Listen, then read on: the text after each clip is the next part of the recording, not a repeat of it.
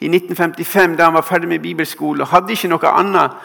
Han ble ikke sendt ut på en misjonsmark, men han sa at jeg vil leve på Guds ord. Og Gud kalte han og sa at våkne opp og styrk den rest som er igjen før han dør.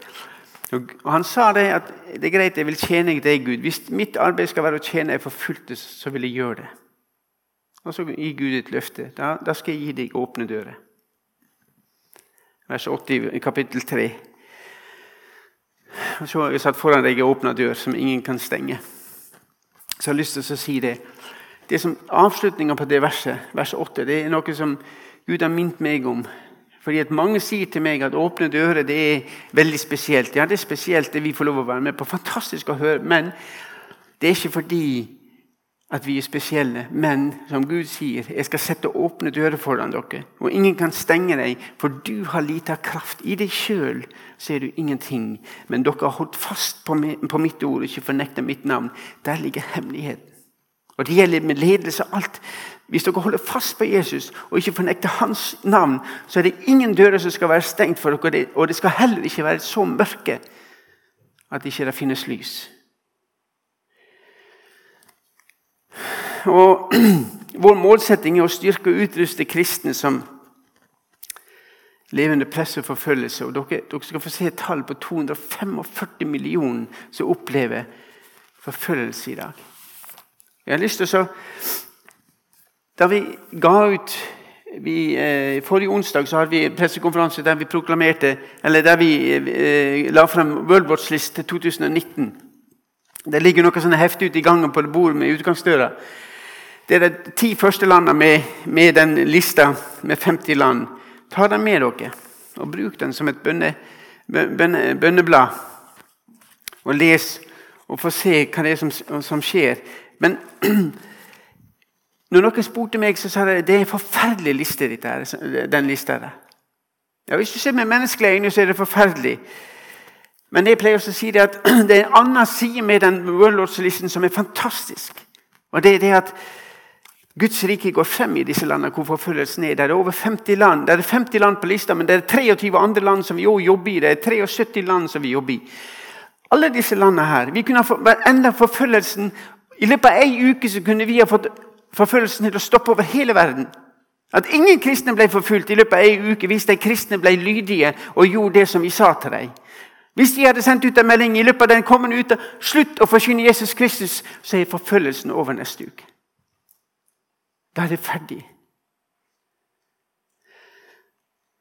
Men de kommer ikke til å gjøre det.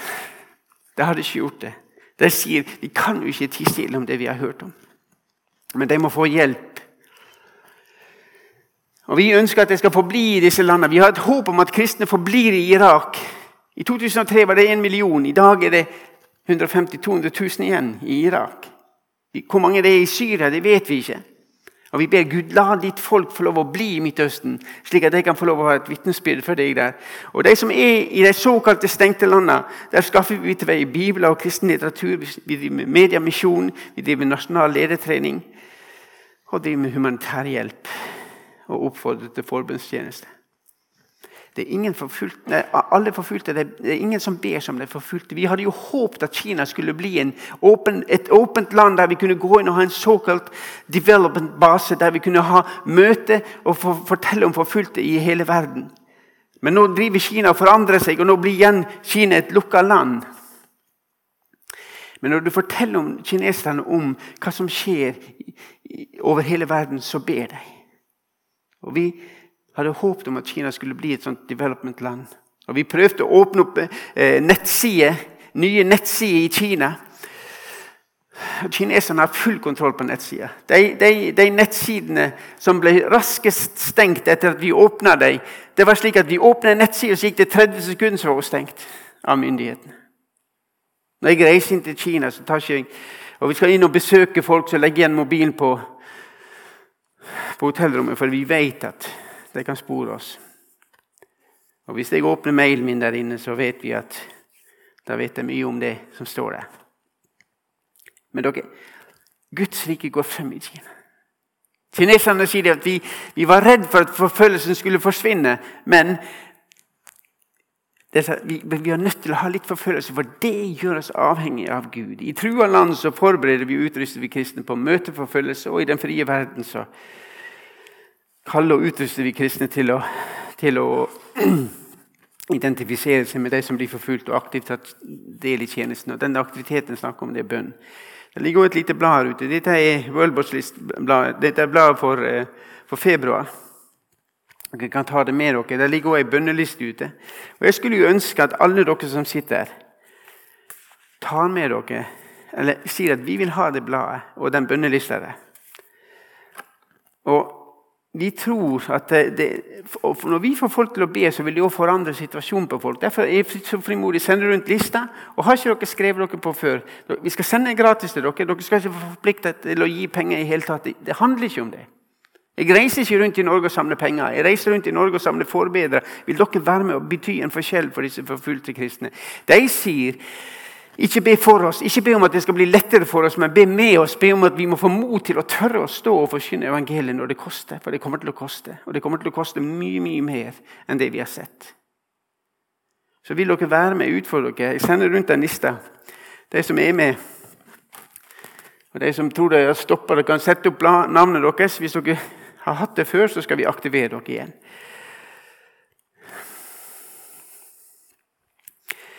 Måten vi sprer informasjon på, det er med blad, som sagt, med en bønnekalender en gang i måneden. Vi har TV-program hver torsdag klokka halv åtte på Visjon Norge.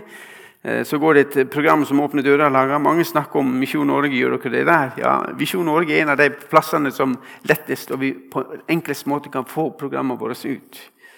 Og vi har laget radioprogram Eh, som dere kan plukke ned på hjemmesida vår. bare søk på 'Åpne dører', så kommer dere inn på hjemmesida. Da finner dere linker til alt dette. her. De av dere som har bladet vårt, vet om Asia Bibi, som er i Pakistan. Hun satt ti år i, i, i fengsel, og nå er hun løslatt. Det var tre eh, høyesterettsdommere som, som, var så modige at de løslatte henne. Det var tre muslimer, og de skrev 56 sider der de begrunner måten, hvorfor det skal løslate henne. For det første sier det, Vi som muslimer vi kan ikke sitte og lyge for at kristne skal bli dømt til døden. Det som har skjedd med Asa Biba, er ikke sant. Og, det, og, Vi må fremme sannheten. Og så forklarer de i 56 sider hvordan de tør å løslate henne. Det blir trua på livet, og de sier det betyr ingenting. Det skal være rett. I dag er Asa Bibi løslatt, men hun er ikke ute av Pakistan. Hun sitter i en, fang, i en militærleir der de tar vare på henne. Og vil dere være med å be? Vi aner ikke hvordan, hvor hun kommer til å havne, hvilket land og hvordan hun kommer ut. Men hun er ikke fri fortsatt. Men Asa Bibi hun har sittet i ti år i celle. Og ti år, alle disse, Hver dag så kunne hun blitt løslatt hvis hun sier 'jeg fornekter Jesus', men hun sier 'jeg vil aldri fornekte Jesus'. Og dere, Det har så mye å lære oss. Jeg har så mye å lære oss. De tar troa si på alvor. Og de sier jeg er født kristen, og jeg vil følge Jesus, samme hva det koster, hva det koste vil. Her har dere det nye kartet. Jeg har plotta inn de ti landene som er med Nord-Korea, Afghanistan, Somalia, Libya, Pakistan, Sudan, Eritrea, Jemen, Iran og India. India er et av de landene hvor det er flest angrep i dag. To angrep hver dag, og politiet gjør veldig lite. Myndighetene gjør veldig lite, fordi er du en inder, så hører du til å være en hindu. Hvis ikke, så er du en quisling. Det er 63 millioner kristne i India. 63 millioner. Dette er enormt tallet. 1,3 milliarder. Om noen få år så går India forbi Kina i antall. Så Kina har nesten ja, det har bare noen få titalls milliarder million mindre enn Kina. Kina har rundt 97 millioner kristne, og India har 63 millioner. De sier vil dere be for oss. 245 millioner forfølges på verdensbasis. I fjor var det 215. Det har økt med 30 millioner på ett år. Og det vi opplever Jeg var på, talte på, på Frontline i Oslo. Hvor mange av dere som var der? For se.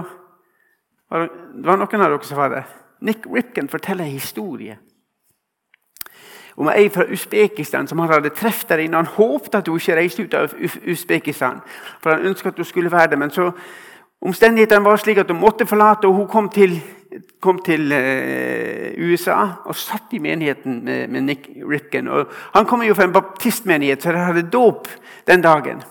Og Hun her, her hun satt bare og hoppa på stolen når de hadde dåpssamling. og han lurte litt på eh, Kanskje det var u, uh, uvant for henne. Han spurte vil, vil du gå ut. Nei, nei, det er ikke det. Og Hun satt og vrei seg på stolen, og Nick han forsto ikke det. Så han sa det at er det noe som er galt? Nei, nei, det er ingenting som er galt. Men ser du ikke det, sa hun. Ser hva da, sier Nick. Ser du ikke det miraklet som skjer her, sa hun. Dere kan ha dåp, og dere kan gå ut på gata uten at politiet står på utsida og arresterer dere. Ser dere ikke det miraklet som skjer, sa hun. Så sier hun Nick, jeg får lyst til å rope, sa hun, høyt. Og Nick sa rop, sa han. Rop! Vekk oss opp, sa han. Vi tar det som en selvfølge at dere kan gå i Salem på lørdagen og gå ut den døra der nede og så bare gå hjem igjen uten at noe skjer. Men det er et mirakel, det som skjer. De lever i det normale, og vi lever i det unormale. Det er et mirakel at dere kan samles sånn som dere gjør. Takker dere for det. Eller tar dere som en selvfølge og går hjem igjen ja, neste gang. Det er så kjekt her nå. Det er flott å gå på møte, men det er et mirakel at dere får lov å ha det fellesskapet som dere får lov å ha. Det er et mirakel at dere får lov å ha Bibelen, og at dere kan leve ut troa deres. Og Jeg var på møte med han Larsen i går, han som, han som dette TV-programmet på, på Brum og alt dette her, bilprogrammet. Og alltid syntes at han var litt tullete, og han tøysa altfor mye. Men i går hørte han i kirka på Grødam kirke, og han sa at min beste kamerat Og der sitter en hel gjeng eh, bare mannfolk, unntatt ei dame. da, hun, hun, fikk lov å sitte der. Men så sier han når jeg er ute og jeg, og jeg er på TV-innspillinger, så pleier jeg alltid å si 'min beste venn er Jesus'. Hvorfor er vi så redd for å si det? Hvorfor er vi så redd for å si det? Hvorfor er vi alltid på defensiven? Han sa at helt siden jeg var liten, så har Jesus vært min beste venn. og Uten, meg har han, uten han har ikke klart meg, sa han. Og når jeg ble 39 år, så møtte jeg veggen, sa han. Og da, da begynte jeg å lese mer enn jeg har gjort før i denne boka. Og begynne å finne ut hvem min beste venn er egentlig.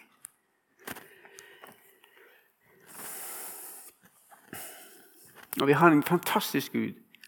I 2017 så skal jeg bare gi tallene til dere på det som det som Gud brukte å åpne dører til i 2017. Og igjen så har jeg lyst til å si det. Dette her sier jeg ikke for å løfte opp ære og ære hva åpne dører får til. Jeg sier det dette for å, hva Gud får til. Vi er bare et redskap. NLM er bare et redskap i Guds hånd. Og NMS og Nordmisjonen alle disse misjonene er bare et redskap i Guds hånd. Det er Gud som er han som gjør dette. her. Når jeg hører folk som jobber i misjoner Vårt, vårt prosjekt der nede og vårt prosjekt Slutt på å si det. Det er ikke vårt.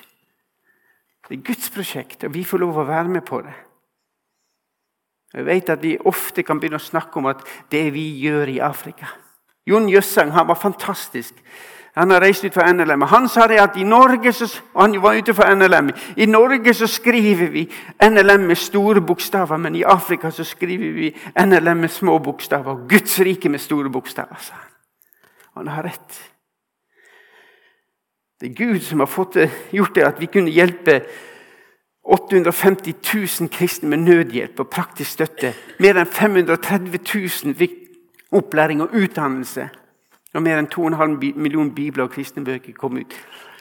Gud trenger bare mennesker som er villige til å gå, som sier 'Jeg vil satse alt på deg, Jesus'.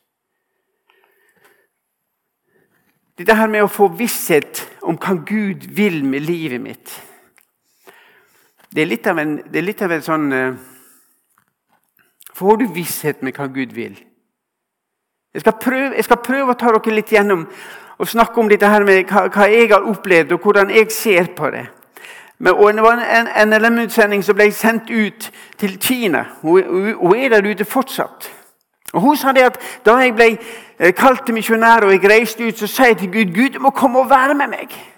Du må komme og være med meg. Jeg skal ut til Kina. Du må bli med. Og så møtte hun et bibelvers i Johannes 12, 26. Der står det 'Den som vil tjene meg, må følge meg'. Der jeg, skal, der jeg er, skal også min tjener være. Den som tjener meg, skal min far ære. Når hun leste bibelverset, så oppdaga hun det var ikke hun som måtte reise til Kina for å invitere Jesus med. Han hadde vært der lenge, og han inviterte hun med på sitt arbeid. Og det er det som skjer. Vi tror av og til at Gud er kjempeheldig som har oss på, vår side, på, på sin side, men vi er kjempeheldige som Gud på vår side. Og vi trenger han desperat. Og han har et opp, og Gud har et oppdrag. Han ønsker å finne alle mennesker. Han har sendt sin sønn, og han har kjøpt alle sammen. Og han ønsker at vi skal få lov å være med og fortelle det. Det er hovedoppgaven vår. At vi er her og utbrer Guds rike, og at alle skal få lov å vite at Jesus har dødd for deres synder. Og Jeg har lyst til å gå inn til begynnelsen så sitter dere, før vi går inn på dette her, at Gud han er en levende Gud. Tenker vi over på det? Er Gud så reell for deg som den personen som sitter ved siden av deg? I 2. Mosebok 3,12 så sier Gud til Moses 'Jeg er den jeg er'. Slik skal du svare disiplene. 'Jeg er, har sendt meg'. Og Gud er, Gud er fantastisk. Han sier 'jeg er' slik at det gjelder mye, like mye for Ole Lilleheim i 2019 som det gjaldt for Moses på den tida. Gud, han er alltid. Så kan vi få lov å fylle ut. For deg og meg er han like reell. Og det må, vi, det må vi minne hverandre på, fordi det er så lett å glemme Gud oppi alt dette. Og Det er han som står bak alt. Det er han som har skapt oss. Allerede før jeg ble skapt, så visste Gud om han Ole. Gud visste hva egenskaper han hadde lagt ned i meg. Og Gud ønska at hvis da Ole følger i mine fotefar, så kan jeg bruke han. For det er lov å bruke han. Det kan ikke Gud styre. Men han ønsker det. Dette med, med ledelse Da blir det alltid tenkt på første kongen i Israel, Saul. Han fikk beskjed av Samuel om å gå til amalekittene og ta livet av alt. Ta livet av alle amalekittene. Og så er det mange som kommer til å stille spørsmål ja, er det en grusom Gud. ikke sant? Men vi aner ikke hva Gud har. Hva grunn Gud har, Men Gud har alltid en god grunn. Men Samuel han sa til Saul gå til amalekittene og utslett dem pga. det de gjorde når de gikk mot Israel. Når, de var på vei gjennom, mot Kanaan, så gikk amalekittene til krig. Det var da Moses sto på fjellet og de løftet armene på ham. Det var amalekittene som kriga mot dem. Så han ville få beskjed om å gå ut og ta livet av alle sammen og slå alt med bann. Og så går Saul ut, og han gjør nesten alt. Han, han tar livet av alle folk. Men så tar de noen av sauene, og så tar han kong Agag. Det, bare, det, står bare at det kom Agag som overlever. Samuel gjør nesten 99,9% av det Gud sier. Og Så kommer da Samuel frem for ham og så sier han, Vær hilset, ja, vær hilset, sier Saul. Jeg har gjort det Herren har sagt. Og så sier Samuel, ja, hva slags breking er det da jeg hører? Så sier Saul, ja, folket de tok seg det beste av feet, slik at vi kunne ofre til Gud. Han, han, hadde ikke turt å stå opp mot dem. Han var konge, han kunne ha sagt alt skal slaktes, men han turte ikke å stå opp, for folk ønska å ta det beste av feet. Og så sier han, kommer han med unnskyldninger for å ofre til Gud. Da gjorde han det veldig åndelig, ikke sant? Og så sier Samuel men, folk, altså, men folket tok en del av småfe og storfe til bytte, det beste av det som var bannlyst, for å ofre til Herren din Gud her i Gilgal. Da sa Samuel Bryr Herren seg om brennoffer og slaktoffer som han bryr seg om lydighet mot Herrens ord? Nei, lydighet er bedre enn slaktoffer, og villighet bedre enn fett av ærer. Og så sier han for tross er som spådomsånd, ulydighet er avgudsdyrkelse. Fordi du har forkastet Herrens ord, har han forkastet deg som konge. Når jeg leser dette, så, så leser jeg jo at Gud ønsker en fullstendig lydighet mot hans ord. Saul har nesten gjort det. Men Gud han ønsker at vårt hjerte Gud ønsker ikke, I utgangspunktet ønsker ikke han pengene våre. Han ønsker ikke at vi skal sende så mye penger ut som mulig. Gud ønsker lydighet. Gud ønsker et hjerte som er lydig mot Herrens ord. Og et hjerte som er villig til å gå. Det er det Gud vil. Og mitt store problem som kristen, det er mitt hjerte. Husker dere hva kongen sa i nyttårstalen? Da kommer han med ordspråket som sa bevar deres hjerte for, for, for, for, alt dere gjør, fordi livet går ut av det. Bevar ditt hjerte. Det var anbefalingen fra kongen. Et fantastisk eh, eh, ord som vi kan få fra, fra kongen vår. Og vi trenger, For at vi skal bli bevart, så trenger vi at en flytter inn.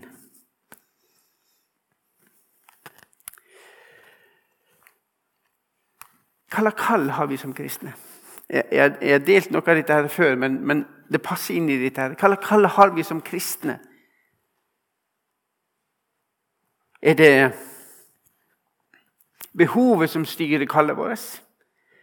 Det er behov for noen eh, søndagsskolelærere, og så sitter folk og har det dårlig samvittighet. Oh, ok, jeg skal ta det. Så fyller det et behov. Ja, det er greit, det. Men er det det Gud vil du skal gjøre? Jeg sier ikke det galt på en måte, men på en annen måte Hva er det som styrer vårt liv som kristne? Er det behov, eller er vi litt mer åndelige og så sier vi nei, det er eh, misjonsbefalinger? Men jeg er gitt allmakt i himmel og på jord. Og Nick Ripken sa det så kjempeflott når vi var i Oslo. Han sa at dette er ikke kallet vårt, dette er kommandoen vår. Gå derfor ut. Det er Gud, Han kommanderer oss til å gå ut. Jesus sier gå derfor ut. Det er ikke kallet vårt, men det er vår kommando at vi har fått i oppdrag gå derfor ut og forkynne. Men for å kunne gå ut, så må vi òg ha noe å gå med. Og Jeg personlig opplever at mitt kall finner jeg i første kor 1.9. Gud er trofast, han som kalles til fellesskap med sin sønn Jesus Kristus. Hvis ikke vi har fellesskap med Jesus, så har vi heller ingenting å gå med. Disiplene de hadde vært sammen med Jesus i tre samfulle år. De. Og når Jesus reiste opp til, til, til, himmelen, så sa han gå inn til Jerusalem og vent der til kraften kommer over dere. Og Så går de inn til Jerusalem, og de er livredde. De kjente Jesus. De, de, de er redde. står de sitter på øvre, hall, og, og øvre sal når de hadde låst. Og så får de Den hellige ånd, og så snur de. Så går de ut og så begynner de å forkynne hvem Jesus er. At han var den Messias som er beskrevet. Han som dere drepte. Den første, dagen, det, første pinsedagen er det 3000 som kommer til tro. Så går det noen dager, så er det plutselig 5000. Og så begynner forfølgelsen. Og når folk begynner å få et forhold til Jesus, da begynner det å bli problem. Da begynte forfølgelsen. Det var noen som sa det til broder Andreas, at vår menighet er som eh, første menighet på apostelens gjerningers tid. Og hvordan det, sa han. Nei, fordi vi jobber i, i, i, samfunnet, og vi deler, og folk er så glad i oss, og, og de syns vi gjør så flott arbeid. Så sier, så sier broder Andreas, men forfølges dere? Nei, de liker oss. Ja, men Da kan ikke dere sammenligne dere med eh, menigheten den første, første apostelens gjerningers tid. For de ble forfulgt etter kort tid fordi Guds rike gikk frem, og mange tok imot Jesus. Fordi de ikke kunne tie stille, fordi de hadde vært sammen med Jesus. Og plutselig gikk det opp for dem at Jesus han er det, svaret som alle mennesker trenger.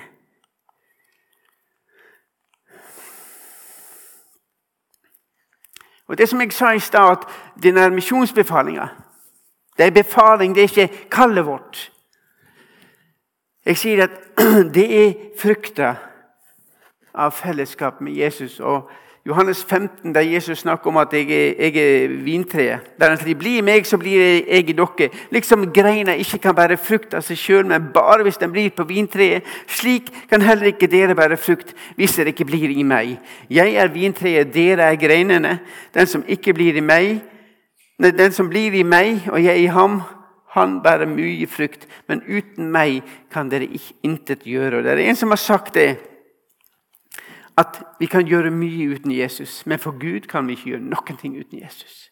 Vi kan få oss en god utdannelse, vi kan ha en god jobb, og vi kan gjøre en god jobb, og vi kan være gode venner, men når vi skal begynne å snakke om å gjøre noe for Gud, så kan vi aldri gjøre det uten Jesus.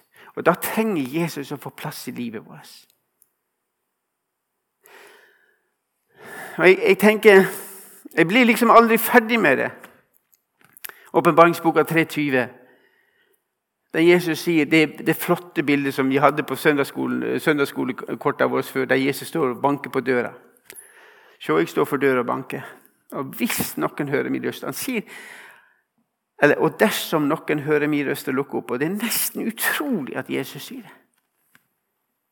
For Han snakker til sin menighet. Han snakker til dere unge her i Salem. Han snakker til alle menighetene i Norge. at Dere, dere som sitter på kirkebenken og dere som sitter på møte hver lørdag og søndag Se, jeg står for døra og banker. og hvis dersom du hører min røst og lukker opp Og jeg sa til Gud, jeg trodde at jeg hadde lukket opp for deg i 1970 da jeg var 14 år. Første gangen jeg, jeg, bøyde meg for deg. Jeg trodde jeg hadde lukket opp for deg, men Jesus sa ja, men Ole, lukker du opp for meg når du blir sint? Lukker du opp for meg når du er såra, når du er bekymra? Slipper du meg inn? Og jeg oppdager det at det å slippe Jesus inn er noe vi må gjøre daglig, nesten hver time.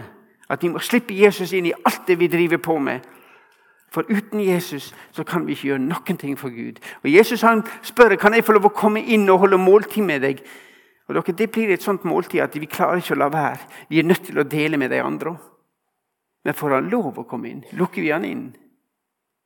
Bare gå hjem og se at det kapittelet i tredje kapittel i åpenbaringsboka er ikke sagt til hedningene, de som ikke tror. Det er sagt til hans menighet, der du og jeg er en del av.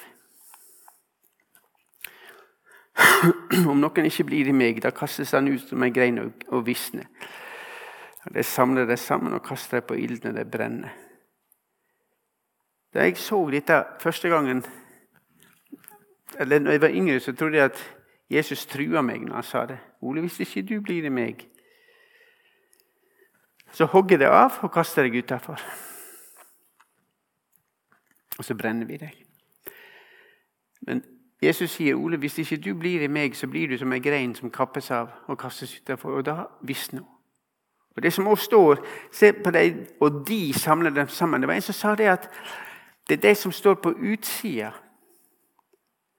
som samles sammen og brenner. Og det han sa at de som ikke tror på Jesus Kristus Hvis de ikke, er, hvis de ikke har et liv som er i Jesus Kristus, så vil de på utsida ikke regne med oss. Det vil si, han er ikke verdt noen ting. Han er ikke bare å brenne opp. Fordi Jesus har ikke fått lov å ta bolig i han. Vi er ikke en del av Jesus. Han prøver å være noe. Men dere, uten Jesus så er vi ingenting. Men i Jesus, hvis dere blir i meg, og mine ord blir i dere, så kan dere be om hva dere vil, og dere skal få det. Det er et utrolig løfte. Og Jeg sier at, jeg glemmer aldri en venn av meg han sa at Ole, du kan jo ikke gå rundt i Norge og forkynne det. For hva vil ikke folk begynne å be om? Og Da kom jeg på det som en, en afrikaner som jeg satt og hørte på, som forklarte forklaringa når Jesus ble forklart på fjellet. Han sier at når Peter, Andreas og Johannes var sammen med Jesus på fjellet, og de Jesus blir forklart, så, så, står det at Peter aner ikke hva han skal si, men så klarer ikke han å holde munn heller. Peter han er en sånn som må si noe. Og så sier han Jesus, eh, er, la meg få lov å bygge hytte. Ei til deg, ei til Moses og ei til Elias. Og så sier afrikaneren, og legg merke til én ting. Han sier ikke noen ting om å bygge hytte til seg sjøl. For når du er sammen med Jesus, så glemmer du dine behov. Og Derfor forklarer det verset her at Jesus han sier hvis dere blir i meg og mine ord blir i dere, så kan dere be om hva dere vil, fordi at jeg får min vilje i deres liv. Dere vil begynne å høre med mine ører, dere vil begynne å se med mine øyne, dere vil begynne å be med mitt hjerte. For jeg får lov å prege dere. Handler dette her om ledelse? Hva er ledelse oppi dette? her? For det første er det at Jesus må få plass i vårt liv. Og begynner vi å drikke vi av den brønn med det levende vann.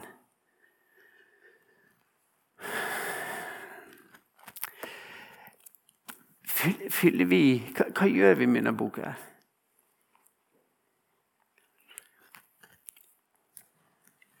Er det slik at mitt liv er blitt til et kilde som renner over? Det er noen som sier, det, det er også snakk om Den hellige ånd. Ja, det er det. Men det er også snakk om å leve i den brønnen som Gud har gitt oss. Gud har åpenbart sitt ord for oss. Han har gitt oss sitt ord. Og her, Noen sier at Gud er så vanskelig å forstå. Ja, men Han har gitt oss helt full forklaring. Han har brukt oss brukshåndvisning på dette. her. Gud har åpenbart sin vilje, han har skrevet det ned. Og noen, Vi lever i en tid der mange sier at ja, men den boka der er ikke sann. Det er sin absolutt sannhet. Jo, dette er absolutt sannhet. Dette er en bok som er inspirert av Den hellige ånd og innsatt av Gud. Hvert eneste ord her har Gud gitt oss. Og vi lever i en tid der mange sier ja Johannes han var jo litt sånn spesiell. Apostelen Johannes blir ikke regna med av alle. Så mye av det Johannes har, har, skrevet, det kan vi ta vekk. Ergo så forsvinner åpenbaringsboka. Paulus han skriver til og med at dette er ikke av meg sjøl, dette er ikke av Herren, men av meg sjøl. Ergo så konkluderer jeg med at ja, det er ikke alt som Paulus skriver, som er fra Herren. Det har han fra seg selv, Så begynner han å trekke fra. Men i min bok så står det at hele Skriften er inspirert. Hvert eneste ord. Og det kan vi få lov å regne med. Og dere Vi er nødt til å ta oss tid å lese det. Vi er nødt til å la det få lov å komme frem, og vi er nødt til å kjenne Hans ord. Og som jeg sa i stad, misjonsbefaling er frukt. Når Jesus får plass i vårt liv, så blir det Jesus han må ut. Vi kan ikke holde det for oss sjøl. Jeg er ikke der ennå. Jeg har to naboer i blokka der jeg bor, som ikke er kristne. Og jeg sier til Gud, Gud, vær så snill, gi meg en mulighet til å dele evangeliet med deg. Gi meg en mulighet og gi meg god mot til å kunne dele evangeliet på en god måte med deg. At det ikke blir på, at det, at det trenger meg på. For to dager siden så ringte Jehovas vitne til meg og så sa de, ja, veldig høflig. og det, ja, Vi driver og ringer alle i blokka di, og vi ønsker å samtale om, om troa. Og jeg tenkte på det at nå må du i hvert fall ut snart, Ole. Nå må du ut, nå må du ut og fortelle hvem du tror på. La ikke de få komme før deg. Skal vi la oss bli slått av deg? Og Jeg tenker på det at Det som han sier Moses så at disse, disse ord og bud som jeg gir deg i dag, skal du bevare i hjertet. Du skal gjenta dem for dine barn. Tale om deg når du sitter på veien, når du sitter hjemme og når du går på veien du skal legge deg. Og når du står opp og bind, binder på hånden som et merke og har den på pannen som en minneseddel. Og skriv det på dørstolpen i huset ditt og på portene dine. Kjenner vi Guds ord så godt at vi har det nesten som en, en, en sånn Post-It-lapp på panna vår? Leser vi Guds ord. Og Noen sier at ja, når jeg leser, så husker jeg så lite. Ja, men dere, Den hellige ånd er slik at når vi leser, så minner han oss om det. Jeg er slik at jeg husker ikke alt jeg leser. Jeg har ikke fotografisk minne. Men jeg har Den hellige ånd som minner meg om når jeg leser der og der. Og så går jeg tilbake og så begynner jeg å lete, og så finner jeg det. Og Gud han ønsker at vi skal kjenne Hans ord. Og Hvis dere blir i mine ord, så er dere virkelig mine disipler. Da skal dere kjenne sannheten, og sannheten skal sette dere fri. Men hva, med, hva har dette med ledelse å gjøre? Å bli trygg på hvordan Gud leder. I mitt liv så har Gud brukt sitt ord. Han har brukt Den hellige ånd. Han har brukt personer for at jeg skal få lov å bli sikker på hva det er han vil. Og Jeg tror det er så viktig at vi kjenner Hans ord, at Gud får lov å jobbe gjennom sitt ord. Og dette her som han sier i Johannes 8, at dere skal kjenne sannheten, og sannheten skal gjøre dere fri. Fri fra hva da? Og når jeg sa det, så datt det ned i meg. Ole, du trenger å bli fri fra ditt hjerte. Hvordan kan jeg bli fri fra mitt hjerte? Jo, ved å åpne opp for Jesus og slippe han inn. Slik at han får komme inn. Og hvis det er noe opprydning som må gjøres, så må Jesus gjøre det. Og hvorfor Guds ord? Hvorfor er det så vanskelig for å sette oss ned og lese Guds ord og ta oss tid til det? Det er 15 minutter hver dag. Hvis du leser 15 minutter hver dag, så leser du gjennom Bibelen på en gang et, per år. Og folk sier det er ikke sant, sier de. Jeg fikk en telefon for, noen, for en god stund siden. Så sier han 'Hallo, Ole, jeg må bare snakke med deg. Nå er det ett år siden du var og talte på bedehuset hos oss.' Ja, Det kan jeg ikke huske. Jo, det er akkurat ett år, for i dag så har jeg lest gjennom Bibelen på, et, på en gang. Første gang, sa han. For jeg begynte den dagen. Du utfordra meg sånn. Og I dag er det ett år siden, og jeg har lest og det er sant, sant, jeg leser 15 minutter per dag. Så leser jeg en boka på ett år. Og jeg vil fortsette med det. Sant? Så flott, sa jeg. Og dere, Hvorfor er det så vanskelig? Jo, fordi at Den hellige ånds redskap det er Guds ord. Ta imot frelsens hjelm og åndens sverd, som er Guds ord. Hvis vi vil at Den hellige ånd skal jobbe i vårt liv, så er vi nødt til å lese Ta oss tid til å lese Hans ord, for det er det redskapet Den hellige ånd bruker i ditt og mitt liv. Hvis vi ønsker at Den hellige ånd skal jobbe i oss, da må vi også kjenne det. Fordi det er det Den hellige ånd bruker.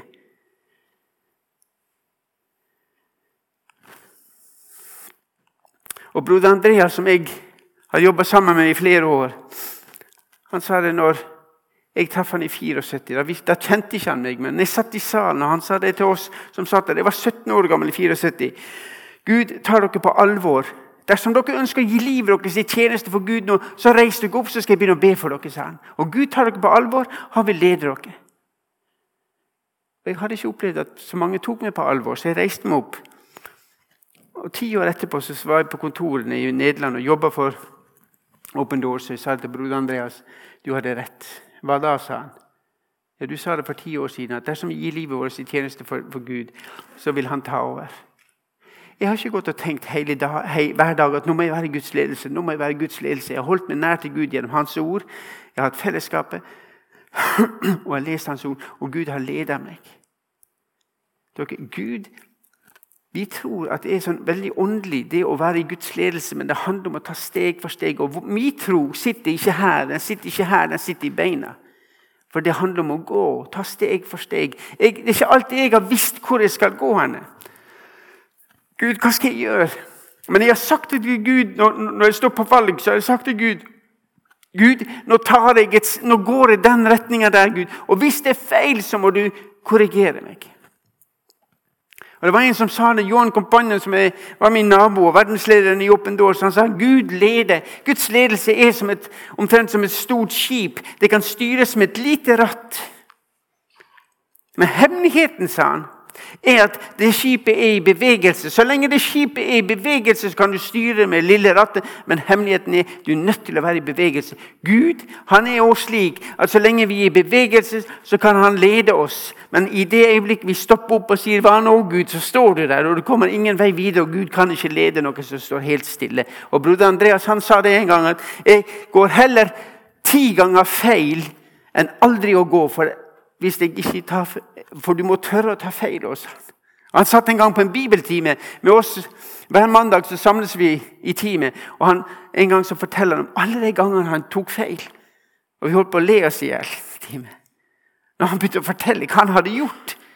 Men, og, så, og, og, vi, lo, og, og vi hadde kjekt sammen, men så sier han på slutten Men dere, jeg tar heller feil ti ganger enn aldri å gjøre noen ting.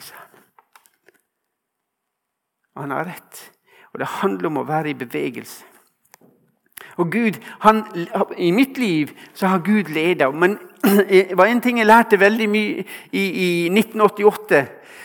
Da hadde vi vært i Nederland, og jeg hadde så lyst til å fortsette. Jeg hadde en fantastisk jobb i, i Open Doors. Jeg var, hadde ansvar for vedlikehold av, bilparken. Vi var fem mann som jobba med å bygge eh, smuglerbiler i Open Doors. En, eh, en garasje midt i, i, i, senteret vårt. Ingen ante at det var garasje, men der var det der jeg jobba.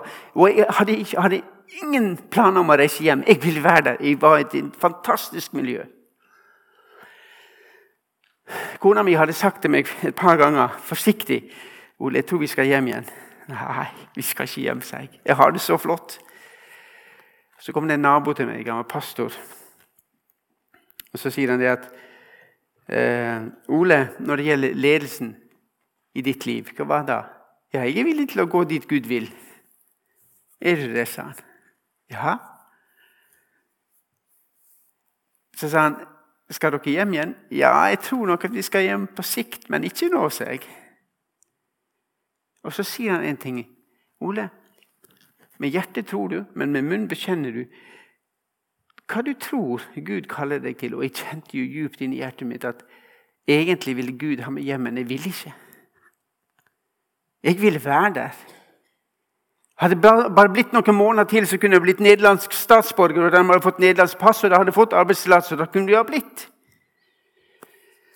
Men den dagen så forsto jeg så sier jeg til Gud Gud, hvis, det, hvis du ønsker meg hjem, så er jeg villig.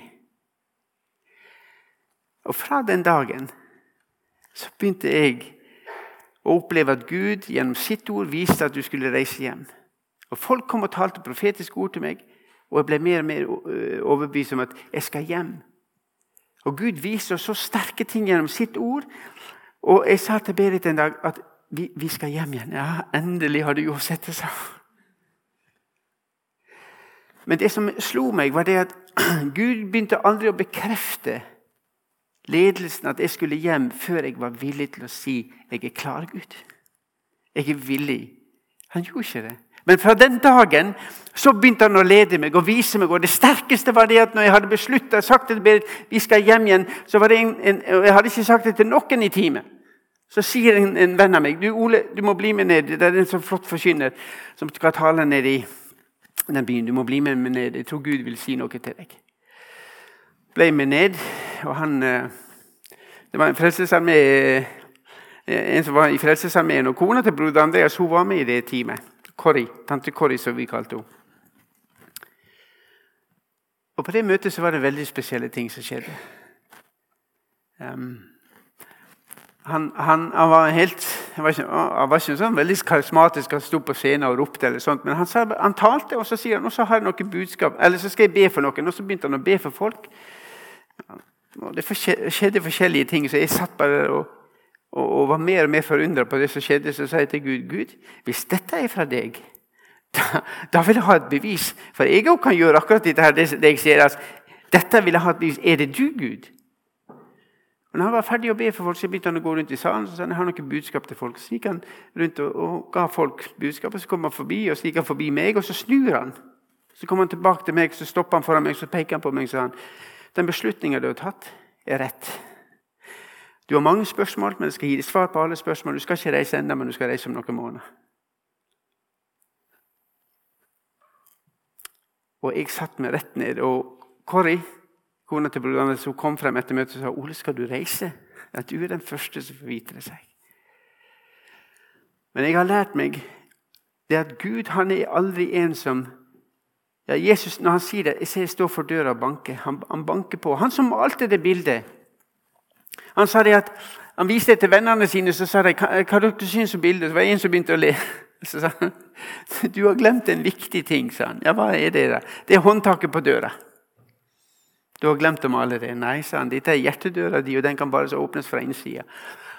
Og når det gjelder ledelse, dere, så er Gud så tålmodig. Han står og banker på, men han presser seg aldri inn. Men når han får komme inn, så begynner han å forandre hjertet vårt. Og Det hjertet vil bli slik at vi begynner å følge de stiene han vil. Men han må inviteres inn. Og For meg så begynte når jeg var 17 år og jeg reiste opp og så sa jeg, Jesus, jeg ønsker å gi livet mitt i tjenesten for deg. Gud må se det fysisk. Han må se at vi reiser oss opp og viser det. Gud, jeg ønsker å tjene deg. Aner, jeg aner ikke hva, jeg ante ingenting om hva Gud ville lede meg inn i da jeg var 17 år. Hadde jeg visst det, så hadde jeg blitt skremt. Og Gud bruker oss, og han ønsker å bruke oss. Og jeg er ikke spesiell. Jeg er ikke spesiell i det hele tatt. Gud har et ønske om å bruke hver enkelt av dere som sitter her. Det er ikke alle som skal bli bilmekaniker og, og så fortsette å bli en forkynner og reise rundt i åpne dører. Nei. Det er bare én Ole. Jeg kan kalle meg en perfekt feil. Jeg. Jeg, per definisjon så er jeg en perfekt feil, for jeg er en enegget tvilling. Og alle skulle tro at Anders og jeg er prikk like. Men Gud har en plan med Anders, og Gud har en plan med Ole. Og vi er forskjellige. Men Gud spør men på én ting er vi like. Vi ønsker å ha Jesus. At han skal lede livet vårt. Og dere, Når det gjelder ledelse Jeg har lyst til å vise dere bare en kort film om broder Andreas, der han utfordrer oss på dette her med Guds ord. Og Hør hva han sier. Hvis lyden er på den, og hvis dere er klare med det, så prøver vi å kjøre den.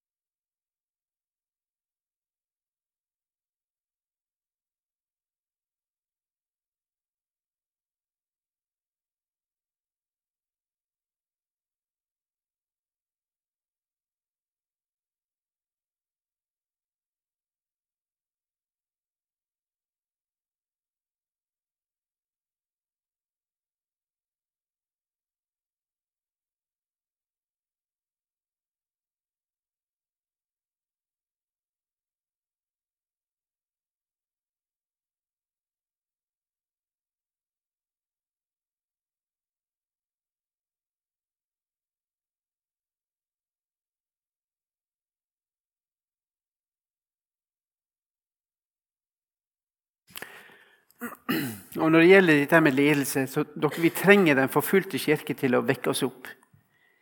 Vi lever i en verden der vi har det så godt at egentlig trenger vi ikke Gud. Fordi vi klarer oss så godt. Vi kommer gjennom uka, vi kommer oss gjennom dagen uten å lese Bibelen. Men dere, vi kommer mer og mer vekk ifra den. Det var disse to jentene fra Orissa i, i, i, India som gikk på halv bibelskole. og Jeg spurte um, hva er den største forskjellen på å være i Orissa og i Norge. Og De sa bønnemøte. Bønnemøte. I, Orissa så ber vi en hel natt. For vi klarer oss ikke uten Gud. Mens i Norge, hvis det bønnemøte varer lenge, så er det en time. Og så sier de, for dere har jo alt. Dere har alt. Og dere, Vi trenger deres vitnesbyrd. De er villige til å satse livet sitt. Mange av misjonsmarkene som, som, som, NLM har, også er det folk som er villige til å satse livet sitt. De som jobber i Mombasa. De jobber med folk som er villige til å, jobbe, øh, til å satse livet sitt på troa på Jesus. Her er folk i Stavanger som er villige til å satse livet sitt fordi de kommer fra Estland. Og hva da med meg og deg? Er vi villige til å satse 15 minutter i dagen, slik at Gud kan få tale inn i hverdagen vår? Slik at han kan få begynne å lede livet vårt. For det er det han ønsker å gjøre. Ikke at dere skal bli slave. Han kommer ikke til å bruke det som et verktøy. Jeg er en bilmekaniker, bruker opp verktøyet mitt. Men Gud han bruker ikke opp verktøyet. Han foredler verktøyet. Dere kommer til å bli foredla, dere kommer til å bli forvandla. Og i Guds ord, hvis dere bruker det, Guds ord skal ikke vende tomt tilbake til før det har fullført det han vil. Han vil at det forandrer tonekratt i deres liv, i mitt liv. Skal bli forvandla til, til sypresset, og istedenfor neste skal det vokse opp mytter. Vi trenger en forvandling. Gud skal ikke ta det vekk, men han skal forvandle det. Og det skal skje til Herrens ære. Så For meg så begynte det da jeg var 17 år, der jeg sa Gud, jeg ønsker å gi livet mitt til tjeneste for deg. Derfor har jeg lyst til å utfordre dere. Jeg aner ikke hvor det vil bringe. Jeg ante ikke hva det ville bringe meg. Men mange av oss som reiste oss opp den gangen vi ble brukt i misjon, og mange av de som har jobba i misjon fordi Gud tok oss på alvor. Og Det handler ikke om at vi var bedre enn andre, men det handler om at vi sa at Gud, jeg er villig. Og Den historien fra Nederland der jeg sa Gud, fra nå er jeg villig til å reise hjem hvis du vil. Da begynte Gud å jobbe i mitt liv. Han trenger å høre et sånt et. Hvis, ønsker, hvis, noen av dere sitter her og sier jeg, jeg ønsker å bli ledet av Gud Jeg ønsker å gå der Gud vil ha meg, så, så vil jeg oppfordre dere. Reis dere opp, så kan vi få lov å be for dere. Helt enkel bønn, ikke noe mer. Men hvis det er noen av dere som sier at jeg ønsker at Gud skal ta over i mitt liv og lede meg, så kan dere få lov å reise dere opp, og så skal jeg ta og be for dere. Og Hvis det ikke er noen, så er det helt greit. da. Er det noen som ønsker å si at jeg ønsker å følge deg og jeg ønsker, å bli brukt av deg?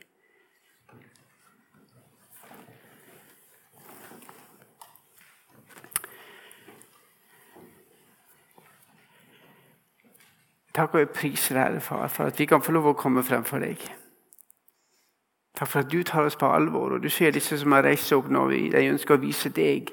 De ønsker å vise åndsmakten. De ønsker å, og, og, har lyst til å ta et steg. Og Gud, kom du inn med din Hellige Ånd. og Begynn å lede. La deg få lov å oppleve det som jeg gjorde. At jeg så meg tilbake, at du, Gud, tok deg på alvor. og Du vil lede deg. Og jeg takker at jeg kan få lov å be om at din Hellige Ånd, du må fylle deg, slik at de blir lydhøre til det som du vil tale til deg gjennom ditt ord, far. Gjennom ditt ord som blir overforsynt, far. Vil du, eller jeg vil takke deg, Gud, for at du tar over, at du tar deg på alvor. Og la deg få lov å kunne få lov etter mange år å få lov å se tilbake at du, Gud, du tok deg på alvor, og du leder deg. Og du ser det som står her, det er ikke den tida der at vi kan utdanne oss til misjonærer sånn som på vanlig vis, men Gud, velsign du det som står her. La deg få lov å ta utdannelse der du kan bruke deg, Gud. Om det blir i misjon eller om det blir i arbeid, la deg alltid få lov å kjenne Gud, at du leder deg. Gud, la deg få lov å oppleve din nærhet på en spesiell måte. Må du velsigne deg i Jesu gode navn. Amen. Og jeg takker deg, Gud, for din nåde. Takk for at vi får lov å gå ut herifra, og at vi kan få lov å ha frihet, far. Vi ber Gud, la deg få lov å skape lovsang i vårt hjerte. La oss få lov å lovprise deg for den friheten vi har, og gi du også frimodighet til å tørre å dele den med medstudenter, med kollegaer, med, med naboer. Jesus, jeg ber for min egen del, kom du inn med din Hellige Ånd og fyll du, slik at det renner over. Slik at jeg kan dele det på en god måte med mine naboer. Det ber jeg om i Jesu navn. Amen.